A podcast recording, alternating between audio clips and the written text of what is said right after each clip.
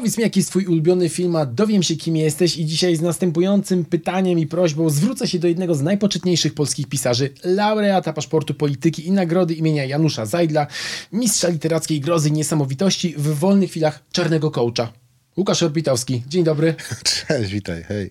A spotykamy się z, no nie byle jakiej okazji, z okazji, ponieważ e, w, tym roku zasiadamy w tym samym jury konkursu e, Empik Go Story, w którym będziemy sobie oceniać scenariusze serialu audio. 30 listopada e, deadline, więc piszcie szybko. Macie ostatnie dni, żeby to zrobić. A mnie z kolei ciekawi, czy ty w ogóle lubisz zasiadać w składach jurorskich? E, Słuchaj, ja to uwielbiam, ponieważ jest to niesłychanie przyjemna praca. Mianowicie e, siedzę sobie, mądrzę się i oceniam.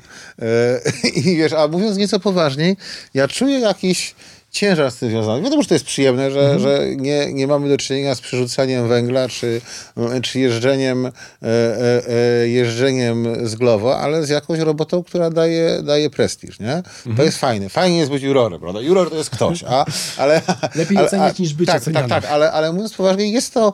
Ja mam jakiś zgrzyt, bo istnieje, wiesz, jakiś taki kontrast pomiędzy czymś y, y, wysiłkiem a moim, bo ktoś się namęczył, napisał, e, e, włożył jakieś serce, zaklął jakieś marzenia w tym tekście, czy na scenariusz, czy na opowiadanie, zależy o czym mówimy, a potem siada se Orbitowski, który jest może zły, który może się spieszy, który może ma kaca, który może myśli o czymś innym i chciałby gdzie indziej i e, e, e, poddaje ten cały proces twórczy ocenie, nie? Która, odnośnie której nie ma odwołania i która tak naprawdę nie jest uzasadniona. To znaczy mnie nigdy w życiu nikt nie zapyta, dlaczego ja odrzuciłem akurat ten tekst. Odrzuciłem, bo mi się tak chciało, nie?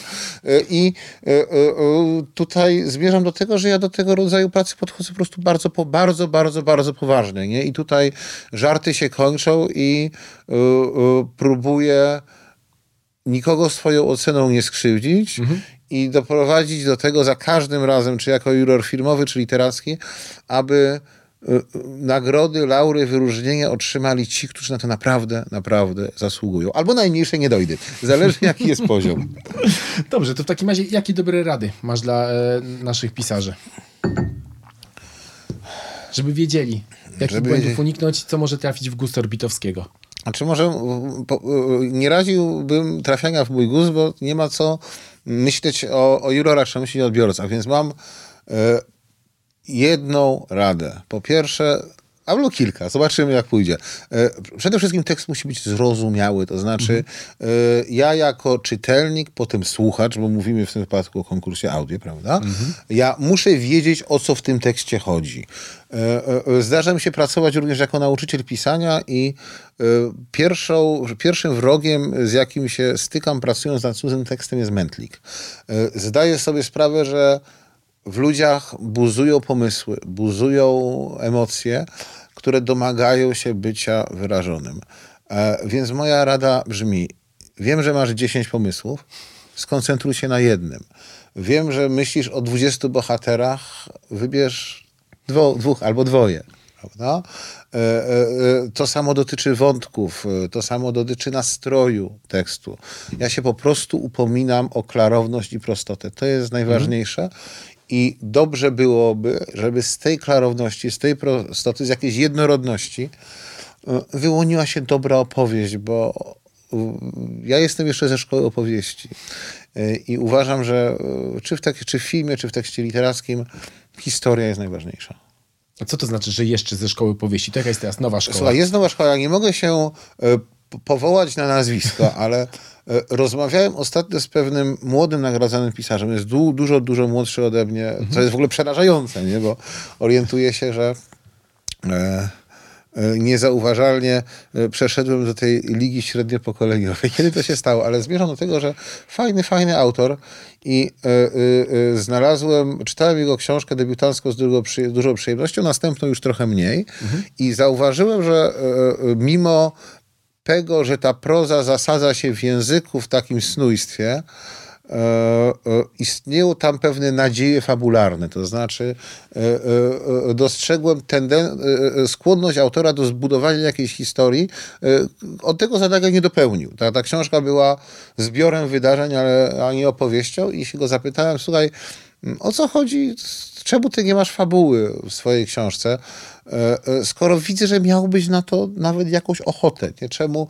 E, zauważyłem chęć, nie zauważyłem spełnienia tego, tej chęci. On mi odpowiedział, wiesz Łukasz, krytycy nie lubią fabuł. Nie? No i dobra, no i wiesz, no i tutaj już jestem E, e, e, jestem rozwalony, pogrzebany. No jeżeli, jeżeli mm, tak jest, no to będziemy mieli takie, a nie inne książki. No to słabe, to znaczy, że jest teraz pisanie pod krytyków i pod nagrody ewentualnie, a nie pod Oczywiście, czytelnika. że tak. Oczywiście, że tak. No i, to, i mi się wydaje, że jakoś tam można mm, rozdzielić tych twórców na mm, tych, którzy starają się strzelić w gusta krytyki i um, ulokować swoją, swoją twórczość e, pod okiem, e, pod okiem e, recenzentów, komentatorów literatury i są ci, którzy piszą dla tak zwanego ludu. Nie? I wiesz, ja tutaj ci powiem od razu, że moim zdaniem i jedna i druga postawa jest ok, piszemy dla kogoś, prawda? a krytyk mhm. jest człowiek, piszesz dla krytyków, w porządku, ja się nie będę ciebie czepiał.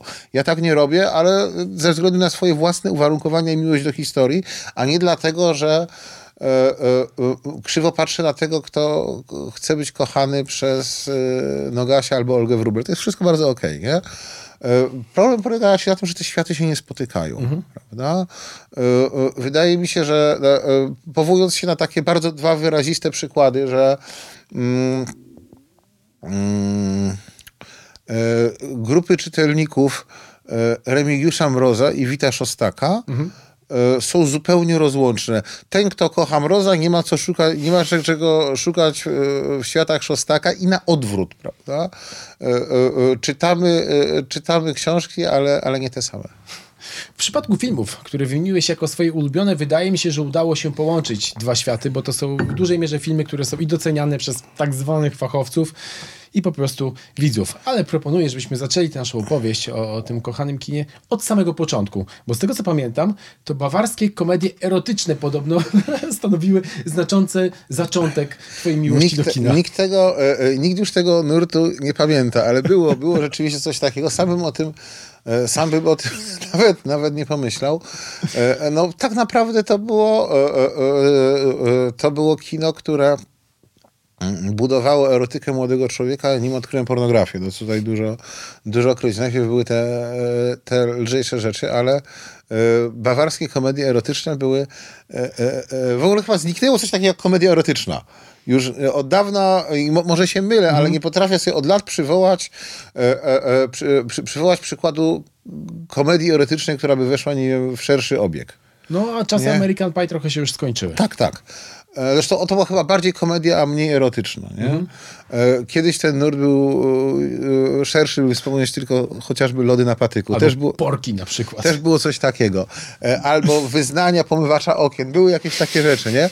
Ale to wszystko, je, je, te, te, te, te komedyjki mm, są reprezentantem dużo większego świata, czyli tego świata VHS, mm -hmm. który mnie wychował. Ja jestem trochę, trochę wychowany kina tak, jak się uczył go Tarantino, to, który przecież pracował w wypożyczalni VHS. Ja tego szczęścia nie miałem, ale e, pod koniec lat 80., na początku lat 90., cały czas, tydzień w tydzień, najpierw do wypożyczalni VHS-u, jeszcze gdzie były nielegalne kasety, a potem na giełdę elektroniki, bo tam ten wybór kina mm, mm, kina był większy. No i to, ta zabawa polegała na tym, że była sobie taśma VHS, która trwała chyba 3,5 godziny, czy tam ileś, już nie pamiętam ile. I tam się z reguły mieściły dwa filmy. Taki grindhouse. Taki grindhouse, dokładnie tak. Ja brałem 10 takich kaset e, w tygodniu e, i oglądałem. Przy czym e, zawsze niespodzianką był film numer dwa, ten dograny, bo powiedzmy, że sobie E, e, e, brałem na przykład Rambo. Chciałem sobie zobaczyć Rambo. No i miałem kasetę Rambo, do której były do, do, dograne na przykład lody na patyku. Albo Siódma Pieczęć. Albo Amadeusz. Albo Mordercze Kuleczki 4. Wiesz, różne, różne rzeczy i ta mm, mm, tak naprawdę wartością tamtych czasów nie było to, że oglądałem rzeczy, które chciałem zobaczyć, ale że oglądałem rzeczy, które do mnie docierały bez mojej woli. Te drugie drugie filmy, to jak gdyby gorsze te dograne, nie? I, i to było e, fantastyczne, w jakiś sposób, wiesz, w zupełnym chaosie mhm. dotarła do mnie, e, e, dotarło, dotarło do mnie całe spektrum kina, bo istnieje dosyć duża rozpiętość pomiędzy, chociażby w kwestii erotyki, pomiędzy bawarską komedią erotyczną, a ostatnim tangiem w Paryżu. I jedno i drugie dostałem na kasecie VHS jako film numer dwa. Przy czym e, ostatnie tango w Paryżu po prostu funkcjonowało jako erotyk. Nie? Czyli udało się... Który, który, którym jest, ale jest też jakby czymś dużo, dużo więcej, no bo to nie jest, nie jest e, zwykły ściskacz, czy nawet film półpornograficzny. Czyli udało się łączyć przyjemne z pożytecznym, tak. bo jednocześnie oglądałeś filmy, które cię interesowały i nadrabiałeś klasykę kina. Często swoim gościom zadaję to pytanie w e, tymże cyklu o film, który zdecydowanie obejrzałeś za wcześnie i potem e, odłożył się w pamięci, być może zostawił jakieś dziecięce traumy też. Traumy to nie. Jejku, jejku, jaki to mógłby być film, że obejrzałem za wcześnie. E, Sta- Potem trzeba było spać przy zapalonym świetle. W, wiesz, ale to nie chodzi o horrory, bo mhm. ja się e, e, e, reagowałem strachem na na filmy grozy, co było naturalne. Pamiętam, że mnie absolutnie przeraził film It, ten mhm. telewizyjny miniserial z Steamem Steam Właśnie to, to, to, wszystko było do dupy, nie? Ten film jest źle nakręcony, źle zagrany, bardzo źle napisany, nie? E, ale Tim Curry stworzył tak przerażającą kreację, że ja naprawdę spałem przy włączonym świetle. Ale wiesz, często docierają do ciebie, do ciebie filmy, których na które jesteś e, e, za młody. E, takim przykładem jest, wiesz co, Ojciec Chrzestny, nie? Ja Ojca Chrzestnego zobaczyłem po raz pierwszy, jak miałem 12-13 mhm. lat i wiesz, ja włączyłem sobie film o, o, gangsterach. Liczyłem, że się będą, e, e, że się po prostu będą dużo strzelać, a e, Ojciec Chrzestny jest, opowiada o bardzo wielu, bardzo ważnych rzeczach, ale na, na, na pewno nie jest to standardowy film o mm, gangsterach i policjantach. No, strzelają się tam w gruncie rzeczy niezbyt wiele. nie. nie? I, i, i ten... I, i ten film trafił mnie e, trafił mnie stanowczo za wcześnie. Ja do niego oczywiście wróciłem we wczesnej dorosłości i już się zacząłem e, już się zacząłem e, zachwycać. Mhm. W jednym z wywiadów, których ostatnio udzieliłeś przy okazji premiery nowych książ nowej książki, powiedziałeś coś takiego, że jesteś osobą melancholijnie depresyjną, e, smutas jesteś, czarnowic, osobowość lękowa. Ciekawi mnie w takim razie, jaki jest twój największy strach w ogóle? Śmierć. Śmierć. E, wiesz co, może, znaczy, i tu nie mówię o swojej śmierci, ale o śmierci moich mhm. bliskich, bo przecież e, ja, ja w ogóle do, dużo dostarcza, do, doświadczam ostatnio śmierci, bo mi ludzie umierają, nie naokoło to jest, bo jest przykre. E, I, I boję się tak naprawdę straty, że, że wiesz, tego, tego doświadczenia, które być może będzie mnie czekało, jeżeli będę żył dość długo, że ten kosmos wokół mnie zacznie obumierać. I mhm. on już obumiera. A, a z takich, wiesz, ja nie mam dobrej odpowiedzi na to pytanie, bo byłoby fajnie opowiedzieć e, e, o jakimś fantazyjnym lęku, że boję się żarówek albo pociągów. Nie? Ja czegoś takiego nie mam. E, jeżeli miałbym wymienić jakiś swój strach osobniczy, to ja się bardzo boję niepełnosprawności. Mhm. Przy czym bardziej się boję niepełnosprawności intelektualnej niż czysto fizycznej. Po prostu boję się, że e, e, stracę swoje ciało, albo co gorsza, stracę swoją głowę. A jak stracę swoją głowę, to e, jak ja będę pracował? No mam tylko to. Mhm. Nie? A wszystko, co robię, jest z tego głupiego łba i jak łeb siądzie, no to z czego ja utrzymam, utrzymam siebie i bliskich? Widziałeś ojca z Antonym Hopkinsem? Tak przejmujący film. Nie mam słów na oddanie tego, jak to jest odważne i jakie to jest dobre. Przecież mówimy o dziele, które e, doskonale realizuje mm, właściwie niewykonalny pomysł, czyli nakręcenie filmu z głowy człowieka cierpiącego na Alzheimera. Mhm. No, to jest zupełnie niesamowite i e, Hopkins jest tam, jest tam absolutnie przejmujący i przyszło mi do głowy, że być może nawet on już się tutaj konfrontuje ze swoją starością, ze swoją perspektywą odchodzenia. Nie? To, to było zupełnie, zupełnie niesamowite i, i cieszę się, że o tym filmie wspomniałeś, bo jakoś nie mam zbyt dobrego generalnie zdania o współczesnym kinie. Znaczy mi się większość rzeczy, które, mm, które e, e, mo mogę zobaczyć na streamingach, mogę zobaczyć w kinie, po prostu mi nie robią, nie? Te, bo, może to jest też kwestia mojego zużycia, ale ten ojciec to był wow. Mhm. I, i, I rzeczą absolutnie niesamowitą jest to, że ten film, e, z tego co wiem, z tego co pamiętam, to jest w ogóle chyba debiut chłopa, nie? Tak, on jest uznanym I, dramatopisarzem. Tak, tak, ale to, mhm. jest, ale to jest też chyba w miarę, w, w miarę młody facet, nie? Zaraz możemy sprawdzić. Florian Taylor i będziemy wiedzieć. On zresztą już teraz nakręcił drugi film w oparciu o swoją kolejną sztukę teatralną. 43 lata, młodziak. No i to jest wielkie pytanie, skąd on to wie? Skąd on to wszystko wie? Jakim, wiesz, jak wspaniały trzeba mieć umysł, jak wielki talent, żeby dokonać wejścia tak naprawdę w obcy świat, bo przecież y, y, y, film Ojciec jest tak naprawdę zaproszeniem do zupełnie innego świata, do którego ja czy ty nie mamy, mhm. nie mamy dostępu. I obyśmy nie mieli. Obyśmy nie mieli. No dobrze, kontynuując w takim razie wątki egzystencjalne, przechodzimy do filmu, który znalazł się na twojej liście. Sunset Limited. Film według scenariusza wybitnego pisarza Cormaca McCarthy'ego. Pojedynek dwóch aktorów wybitnych, a jednocześnie też pojedynek postaw w stosunku do życia, do śmierci, do religii. E, e, wiesz, to jest film, który mną wstrząsnął. E, ja się do niego trochę boję wracać, bo tak naprawdę mm, Sunset Limited jest racjonalizacją samobójstwa. To jest uzasadnia ci to, że nie warto żyć. I to jest w nim, e, i to jest w nim e, przejmujące. To jest znakomicie, e, znakomicie napisany tekst, po prostu wspaniale. I ja jakoś oczywiście identyfikuję się z Białym i z tym, co on mówi. I mhm. czasem, wiesz, znajdujesz jakąś łączność pomiędzy sobą a postacią na ekranie, czy, czy dziełem sztuki w ogóle, że ktoś wypowiada te rzeczy, które ty bałeś się powiedzieć, ale czułeś. I sobie myślisz, że to są twoje myśli, to są twoje słowa. E, e, I, i, i wiesz, i tego doświadczyłem zwłaszcza w tym, w tym ostatnim, e, ostatnim monologu białego, nim on wyjdzie, rzucicie pod pociąg, nie? Ale film zasługuje na uwagę jeszcze z bardzo wielu innych przyczyn. Ja, wiesz, jestem wychowany na Gwiezdnych Wojnach, jestem mhm. wychowany na Indianie Jonesie, jestem wychowany na teksaskiej masakrze piłą łańcuchową i, i, i, i poltergeistie. I po latach doceniam rzeczy, które są bardzo proste w formie. Jak wygląda Sunset Limited? No dwóch gości siedzi w obskurnym pokoju i gada. Nic więcej nie ma, mm. prawda? Oni się nie pobiją, y, y, oni y, nie zaczną, nie wiem, ta, ta kamera nigdy, nigdy tego pokoju nie opuści. jeden drugiemu tam zrobi jakieś dobre jedzenie i to jest, to jest wszystko. I, i ta, ta, ta oszczędność mi robi. Mm. we właściwy sposób podana. Poza tym...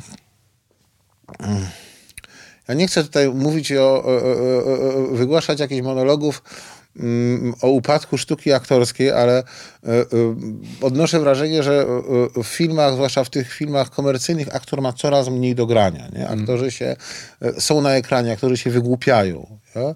A oglądanie Tomiego Lee Jonesa i Samuela Jacksona, jak przez półtorej godziny po prostu grają, po prostu są tymi postaciami, było wspaniałym doświadczeniem i w gruncie rzeczy, e, w gruncie rzeczy oni mogliby tam, nie wiem, zamiast gadać o tym samobójstwie, skręcać meble z Ikei. Mhm. E, e, miło się patrzy na wybitnych aktorów, którzy dostali okoliczność i przestrzeń, żeby pokazać swój kunsz, po prostu.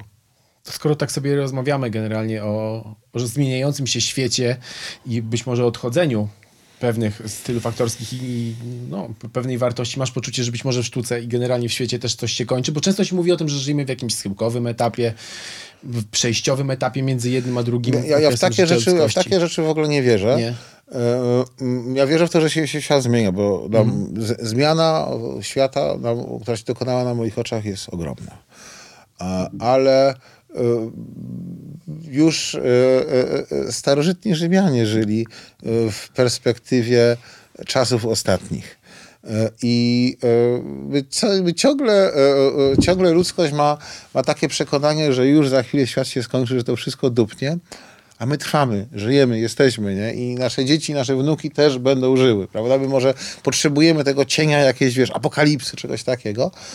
Natomiast odnośnie, odnośnie e, e, kina, to może rzeczywiście nie są to najlepsze czasy dla, dla dziesiątej muzy. Wiesz, oglądałem sobie wczoraj e, przez snem taki e, piękny film Złodziej rowerów z 48 roku. No. Rzecz teraz, e, rzecz piękna, mądra, wspaniała o, o, o biedzie, o rozpaczy, o miłości, o emocjach przede wszystkim, o, o, o emocjach i o tym, jak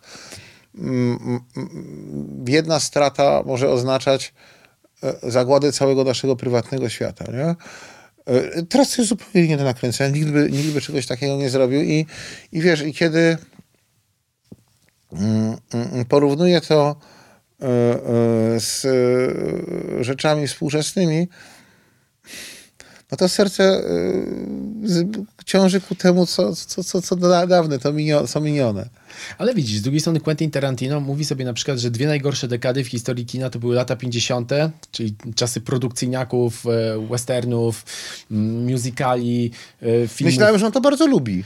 50. i 80. nie lubi. Uwielbia za to 70. i 90. i te 50. i 80. porównuje do tego, co teraz się dzieje w kinie.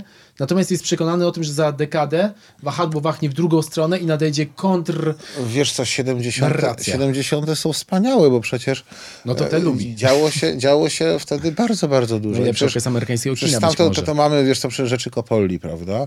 A z- Scorsese. tak, a, a, a z, e, e, e, z drugiej strony e, wspaniałe komedie, jak na przykład Producenci, to jest moja, moja ukochana komedia. Z trzeciej to Krwawą falę horroru, prawda? Właśnie teksańską e, Mhm. e, e, masakrę pił łańcuchową, debiuty Cronenberga. To, to wszystko się wtedy działo i na, nawet Francja te rzeczy z Alanem Delonem, prawda? To są późne, późne 60., lata 70. Wszystko, wszystko super. Z latami 80. się tutaj nie mogę z Quentinem zgodzić. No z tego względu, że y, ja bardzo, y, y, ja, ja w ogóle lubię kolor, ja lubię mm, przesadę. I, I w latach 80. było tego bardzo, bardzo dużo i e, e, e, wielką, wielką radość e, sprawia, mm, sprawia mi nawet wracanie do może niekoniecznie najlepszego, ale e, e,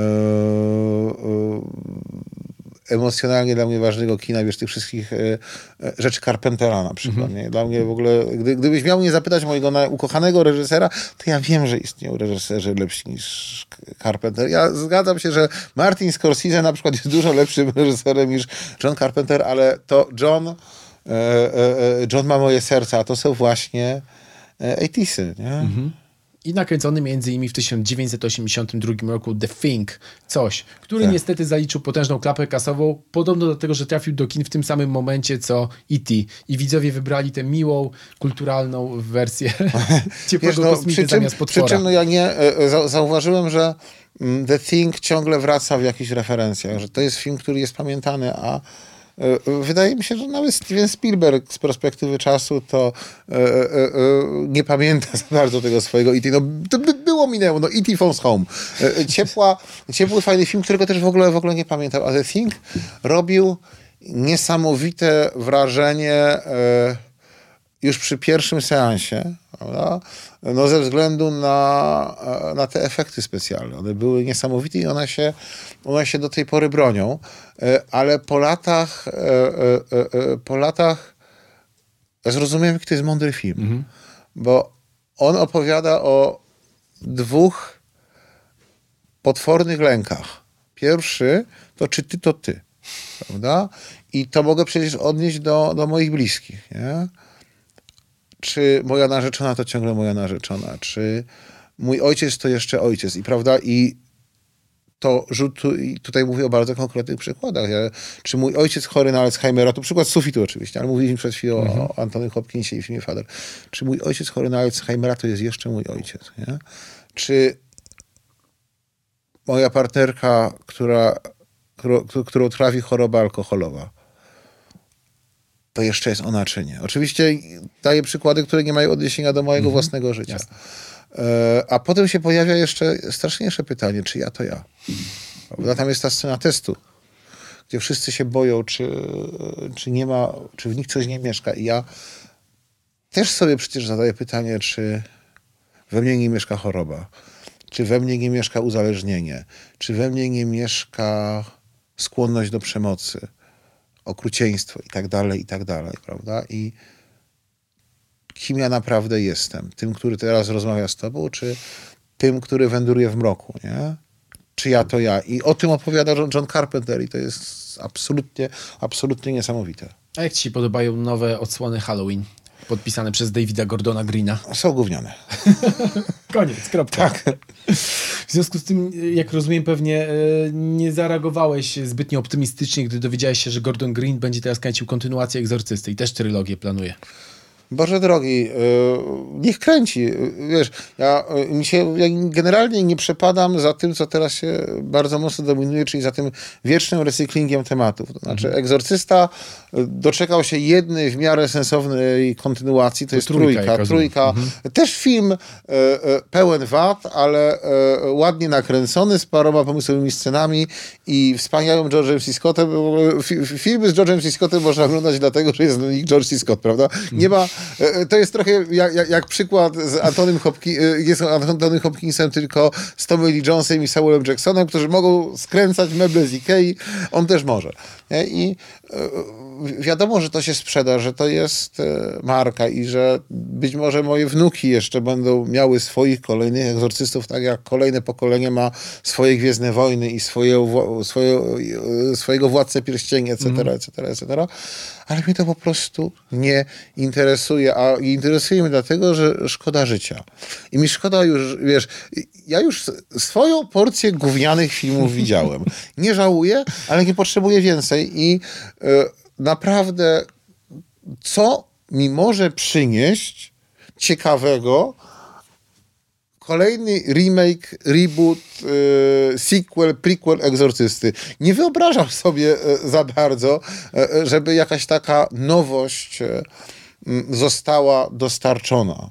Mhm. To kino sequeli, to kino kontynuacji zawiera w sobie karygodny ładunek bezpieczeństwa. To znaczy, zróbmy to tak, żeby się podobało starym fanom i żebyśmy pozyskali trochę nowych, prawda? A przecież kiedy, e, co jest e, e, zupełnie w niezgodzie z oryginałem, przecież gdy Carpenter pisał i realizował Halloween, a Friendkin realizował Egzorcystę, to oni może nie, to oni trochę wy, wywracali gatunek do góry mhm. nogami, prawda? Oni wchodzili w zastaną sytuację i mówili, nie, nie, tak nie będzie. Pokażemy wam teraz, jak się straszę, nie? Pokażemy wam, kuwa, nowy horror, damy wam grozę, która, której nie znaliście wcześniej. I Friendkin i, i Carpenter to zrobili. Nie? Czy jak się nazywa ten gościu od tych nowych Halloweenów? David Gordon Green. czy David Gordon Green to robi? Nie, w żadnym razie. On jest całkowicie e, zachowawczy. Mhm. I i w związku z tym, no, ja myślę, że już tego nowego Halloween, tego ostatniego, tego Halloween Ends po prostu już nie oglądałem, mi się nie chciało. Nie, bo... Halloween. No, dajmy, Albo... dajmy sobie z tym spokój, nie ma to sensu. No dobrze, e, ale w takim razie, cofając się do roku 1982, porozmawialiśmy e, o filmie The Thing i w, w tym samym roku również pojawił się film, który zrobił klapę absolutną w kinach i dopiero po latach zyskał status dzieła kultowego i wybitnego Blade Runner. Film, który w zasadzie okazał się proroczy i którego proroctwa spełniają się dzisiaj, bo to przecież tam sobie pytania o sztuczną inteligencję, transhumanizm, tak, tak istotę tak, tak, człowieczeństwa tak, i tak dalej. I, i, tak przede dalej. wszystkim piękna filmowa robota, przecież jak ten film się zaczyna z tym ciemnym miastem, z którego szczytów buchają ognie. Nieprawdopodobna rzecz. Nie? Mm. E, I ja nie wiem, jak mam to... Wiesz, i to był chyba film, na który ja się troszeczkę właśnie... E, spóźniłem, tak jak z Ojcem Chrzestnym, jak to pierwszy raz widziałem, Aha. to nie zakumałem do końca, bo chciałem nowych Gwiezdnych Wojen, rozumiesz? Nie chciałem, żeby były jakieś blastery, żeby się gonili i strzelali, a e, dopiero, dopiero potem e, dosz, doszło do mnie, o czym ten film tak naprawdę naprawdę mówi. Ja mówię o tym, że chcemy żyć. Prawda? I e, ci biedni reptalianie przecież właśnie to wszystko robią bo chcą żyć, a jak człowiekowi odmawiasz prawa do życia, to on zrobi rzeczy straszne, byleby tylko, byleby tylko to fundamentalne prawo do, do bycia, do istnienia zachować. Nie? I, i, I między innymi o tym to, to dzieło Ridleya Scotta opowiada. Ja chętnie dopowiem, że w ogóle bardzo tak gadamy o sequelach, nie? Przed chwilą, że no właśnie, właściwie jedyne, też... jedyne sequel, może nie jedyne sequel, jakie, jakie ja lubię, ale ja ten film, e, e, nie umiem tego nazwiska powiedzieć, Denisa... Denis Villeneuve.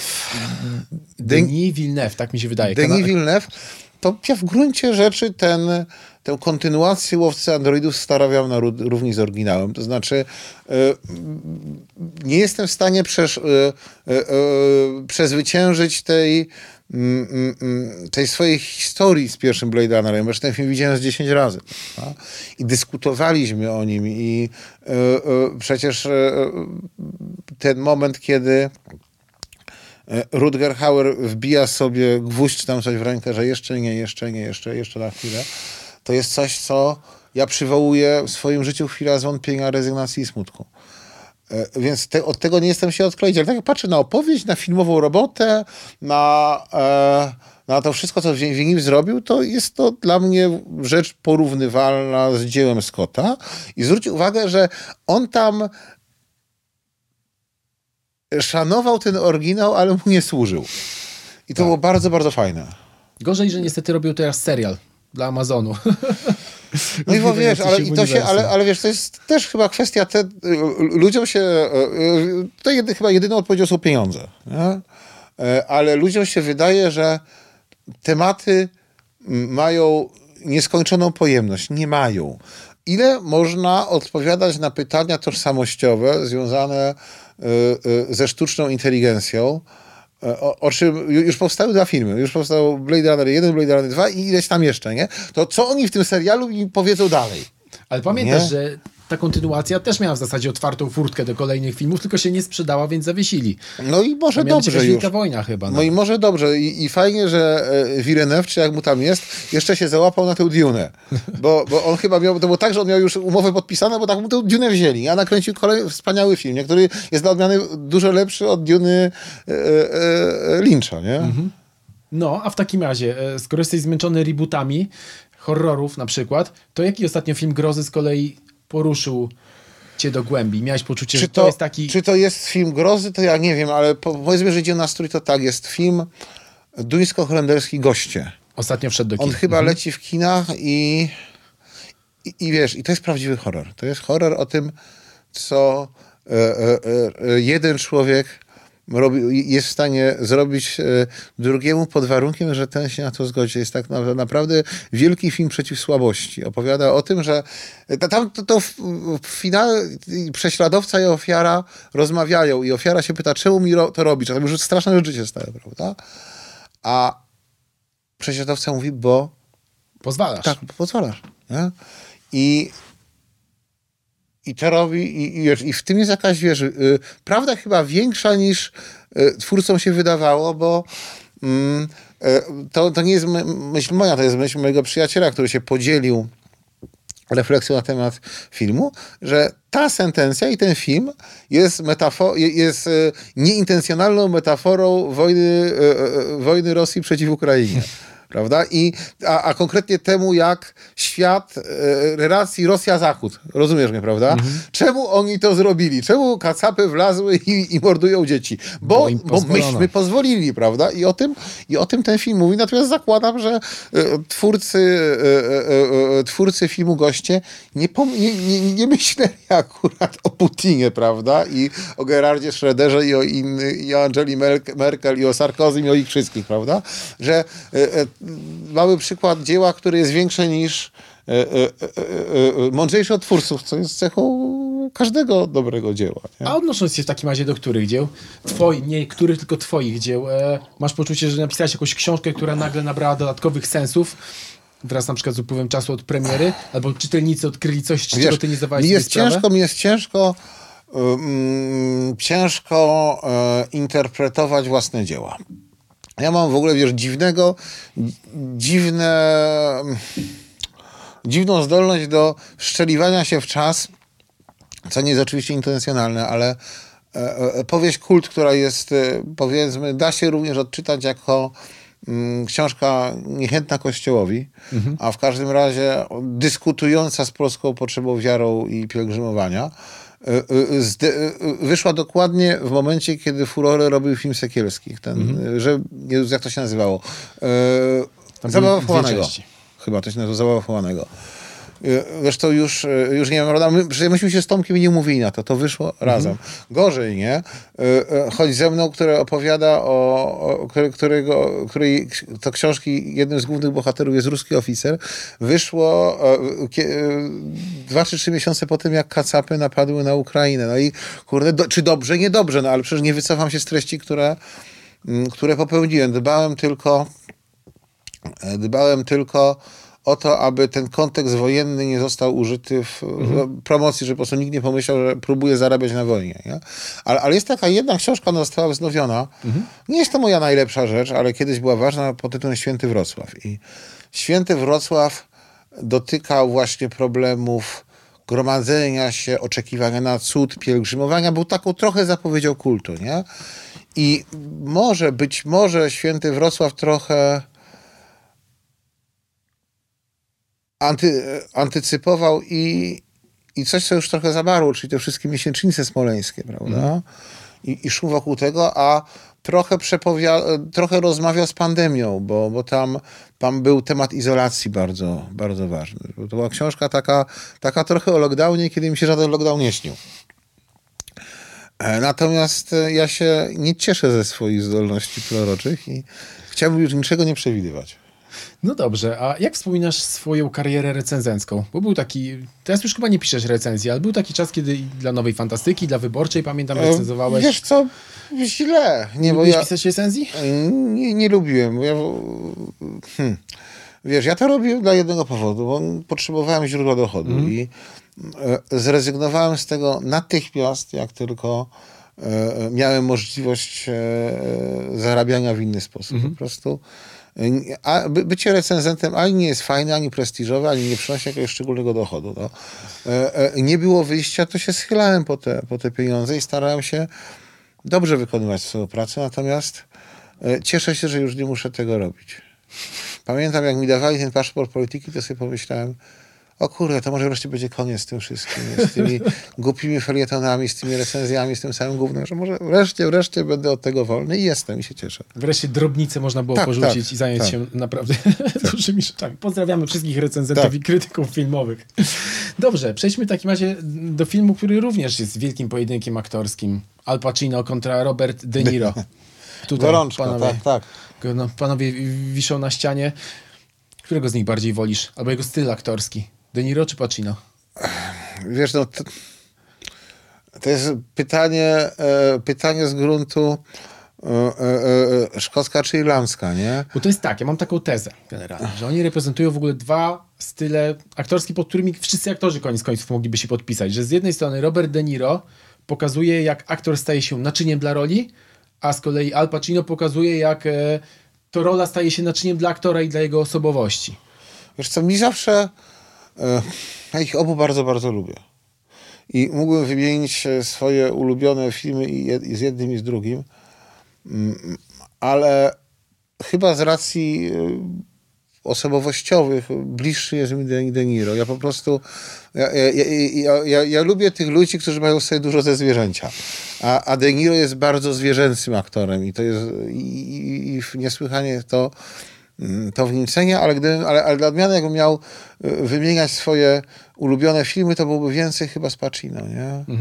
Bo i, i Droga Carlita, i Człowiek z blizną, y, i, i, i no i ten nawet Ojciec Chrzestny się by, by tutaj, tutaj zdarzył, nie? Mm, Ale, ale tak cho- chociaż z drugiej strony taksówkarz, kurde bele, nie? I Wściekły Byk, i e, film może nie arcydzielny, ale który niesłychanie sobie cenię, czyli Przylądek Strachu. Nie? Gdzie, De Niro, gdzie De Niro właśnie gra takiego e, wydzieranego sukinsyna jest absolutnie wspaniały. Ja lubię, wiesz, ja lubię tych, e, to ten moment, kiedy e, potwór bierze kontrolę nad człowiekiem i chyba De, De Niro umie bardzo ładnie tego swojego potwora potwora odpalić. Poza tym on ma jeszcze jedną tę cudowną cechę, że on milczy, nie? De Niro nie udziela wywiadów, on się jak gdyby nigdzie nie pcha, ma wywalony i oczywiście można żałować, że on w ostatnich powiedzmy 10-15 latach y, grywa jakieś w ogóle potworne rzeczy, nie? Po prostu jak teraz widzę, że w filmie gra De Niro, to, to nie chce mi się go oglądać, ale z drugiej strony swoje zrobił. Może ma po prostu raty, alimenty, i, a może po prostu stwierdził, że już kurde, już mam wyjebane, już po prostu mi płaccie. Pamiętasz ten słynny cytat z filmu Don't let yourself get attached to anything you are willing to walk out uh, in 30 seconds flat in... Tak, tak. Był być To, to mówi De Niro. Tak, tak, tak, tak, do Vala Kilmera. Tak. Był być może w twoim życiu taki moment, kiedy potrafiłbyś się podpisać pod tym zdaniem? Oczywiście, że tak. I mało tego, ja realizowałem, e, e, ja, ja żyłem podług tego zdania, bo mi się ze dwa razy zdarzyło dosłownie porzucić całe swoje życie, ale mówię, mówię tutaj o fizycznym na przykład pozostawieniu mieszkania z książkami, z ubraniami, ze wszystkim. Wiadomo, że i, i to było trochę tak, że rzeczywiście wychodziłem. Nie? I jest to, było to bardzo okrutne doświadczenie, przecież w tym domu ktoś był, ktoś był, był ktoś porzucony. Nie? I ja byłem tą osobą, która porzuca. Mm, Co na pewno nie da się obronić w najbardziej nawet e, liberalnych kryteriach moralnych. No ale cóż, nie, być może nie chodzi o to, że, że, że, że musimy być dobrymi ludźmi, wypada czasem spróbować. E, Ale w tym takim porzuceniu, wiesz, jest niesamowita siła. To jest nieprawdopodobnie oczyszczające doświadczenie, że oto, oto jestem naprzeciwko świata i mogę iść w lewo, w prawo, gdzie tylko oczywiście jestem zmaltretowany, zasmucony, być może zrozpaczony, ale to wszystko przykrywa jakaś upajająca wolność, że oto droga się przede mną otwiera i come on, nie? Pamiętam jak y, życie mi runęło, mieszkałem w Kopenhadze, wróciłem do, do Polski, po prostu, wiesz, wy- wylądowałem z dwoma walizami na lotnisku, y, y, wiesz, nie miałem gdzie spać, nie? Znaczy nie, nie mówię, że, że, wiesz, że poszedłem do przytułku, bo, bo były miejsca, w których mogłem przekimać trochę. No ale jednak, nie? Myślę, kurde, Łukasz, co, teraz, co, co ty teraz ze sobą zrobisz, nie? Jak, jak ty, kim, kim ty będziesz, jak ty się osadzisz znowu w życiu? I, ale przede wszystkim była taka, taka, takie poczucie wolności, że okej, ja teraz mogę wszystko, nie? Że oto mi wolno. Oto jestem nagi, bez zobowiązań, y, bez y, pracy, bez niczego. Heja, spróbujmy coś, nie? Wielka rozpacz, wielka siła, to się czasem łączy. A jakbyśmy teraz porozmawiali z kolei y, o świecie kina, bo ty z tym światem też w zasadzie masz różne związki. Myślę, że prawa do twoich wielu książek zostały kupione. Może niewielu, ale tak, coś, coś jest robione. Pewnie coś tam się kręci. Wiem, że zajmujesz się script doctoringiem. To bardzo rzadko. Masz też epizody aktorskie. Zda, zdarzało mi się zagrać w dwóch czy trzech filmikach, filmach, no jeszcze, e, e, jeszcze mało co się ukazało, bo to jakoś tam po festiwalach lata czy coś takiego, nie? E, wiesz, ja, ja w odróżnieniu od bardzo wielu ludzi nie mam żadnych ambicji aktorskich. Znaczy nie chcę, nie chcę, nie, no, nie ma mowy, nie? Aktorzy są aktorami, natomiast e, e, dwa razy i Krzysiek Gruziński i Olga Hajdas obsadzili mnie w epizodach kierując się raczej warunkami fizycznymi niż e, moją osobą jako osobą po prostu, nie? No wyglądam jak wyglądam i jestem predestynowany do określonych, do, do, do odtwarzania określonych postaci, a że mam obycie z kamerą, to, to, to jakoś to e, e, jakoś to zostało wykorzystane, a epizody, wiesz, dobrze się bawiłem. A mówiąc zupełnie szczerze, jajo było takie, pamiętam, że graliśmy, ja tak grałem bandyty u Olgi Hajdas w nowym filmie, to jeszcze nie wyszło i byłem na śniadaniu rodzinnym i e, moje, moje zadanie polegało na wpieprzaniu chleba ze smalcem i mówieniu, mamo, jaki dobry smalec, czy coś takiego. I wiesz, dużo ujęć, dużo dubli. Ja wpierdoliłem chyba półtor, pół, dwie trzecie bochenka chleba z tym smalcem.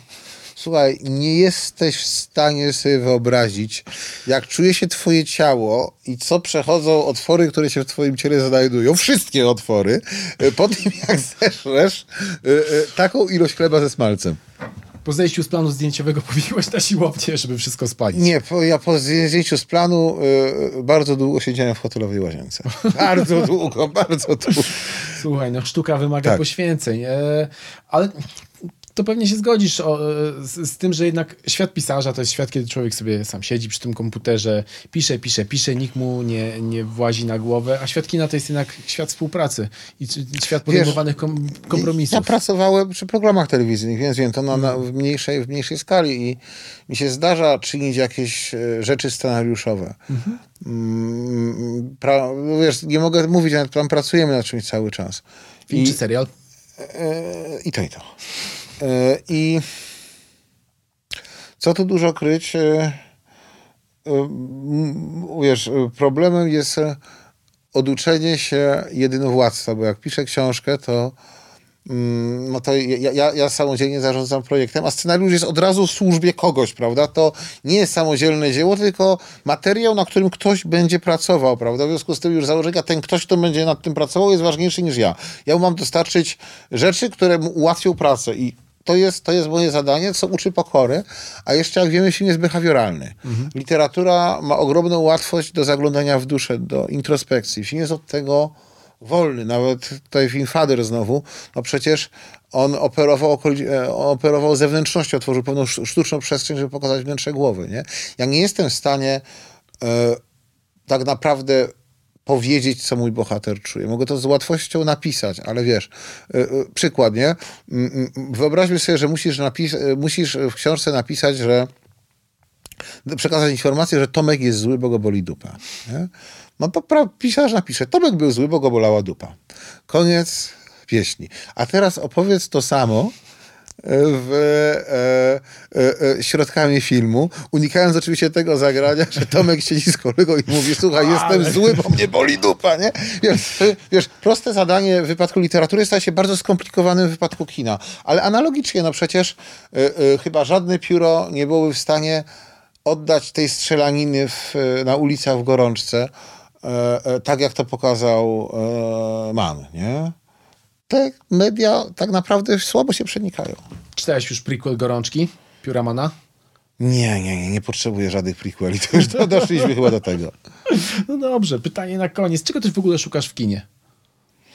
Tego, co zawsze, opowieści. O, opowieści, opowieści, jeszcze raz opowieści i opowieści będziesz też szukał, a ja razem z tobą, czytając pracę konkursu Empik Story Go, po raz ostatni przypomnienie, deadline 30 listopada, a potem bójcie się. Czekam, e, e, czekam na wasze prace, będę bezlitosny. Łukasz Orbitowski, bardzo dziękuję. Dziękuję ci.